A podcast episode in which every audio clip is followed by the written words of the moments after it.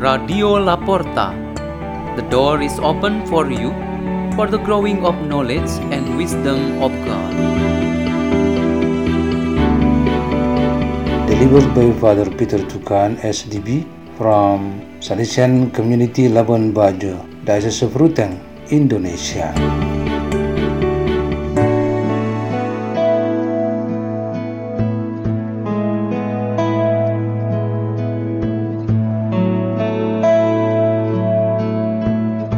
Reading and meditation on the Word of God on Friday of the 26th week in Ordinary Time, September 30th, 2022, Memorial of Saint Jerome, priest and doctor of the Church.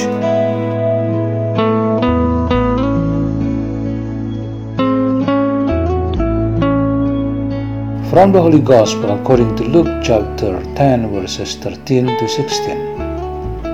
Jesus said to them, Woe to you, Chorazin! Woe to you, Bethsaida!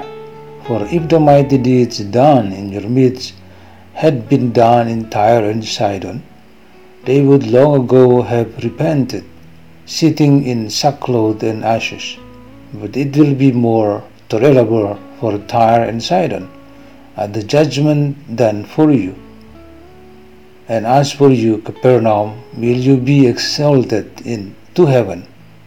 You will go down to the nether world. Whoever listens to you listens to me. Whoever rejects you rejects me. And whoever rejects me rejects the one who sent me. The Gospel of the Lord.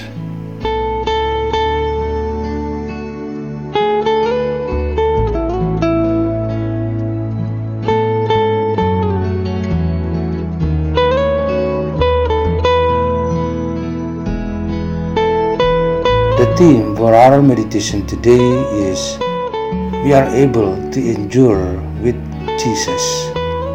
Today, our church celebrates the memorial of Saint Jerome. He studied law in Rome as well as studied theology. After his conversion and got baptized, he then chose an ascetic life.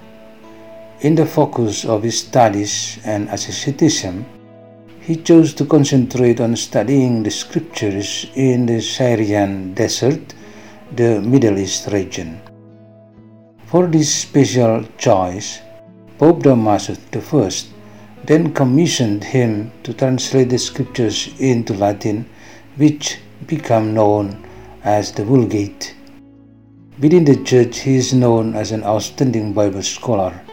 His famous saying goes in this way To know the scriptures is to know Jesus Christ. Not knowing the scriptures is not knowing Jesus Christ. Departing from the principle of St. Jerome's teaching, for those who know the scriptures mean they know Jesus Christ. We are actually being directed to this simple question How can people know the scriptures? Or a similar question would be What can we learn from the scriptures? The common answer would be that we can know the great deal about the contents of the scriptures and therefore we can know a great deal about Jesus Christ. As long as we always read, listen, meditate, and live the scriptures, we experience the person of Jesus Christ Himself. Today, we come to know the Lord Jesus Christ again, who teaches us about our ability and inability to accept Him.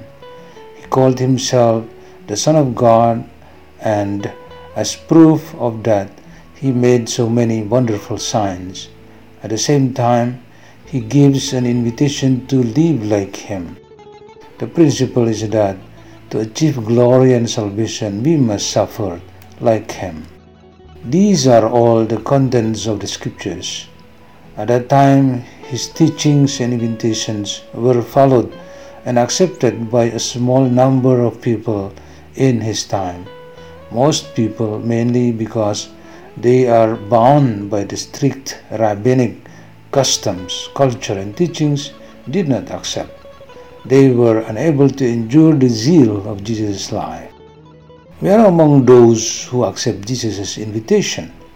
We are taught and guided to always be willing and free to follow Christ without limiting ourselves to any conditions. In this way, we truly follow Jesus Christ wholeheartedly. The advice of the prophet Job on this matter is in this following even though we are blessed with special dignity as children of God, we must still obey His will and not follow our own will. Let's pray. In the name of the Father, and of the Son, and of the Holy Spirit. Amen. Our good and loving Father, increase our enthusiasm to always study your word so that we will know and love you more and more. Hail Mary, full of grace, the Lord is with thee. Blessed art thou among women, and blessed the fruit of thy womb, Jesus. Holy Mary, Mother of God, pray for us sinners, now and at our hour death. Amen. In the name of the Father, and of the Son, and of the Holy Spirit. Amen. Radio La Porta. The door is open for you.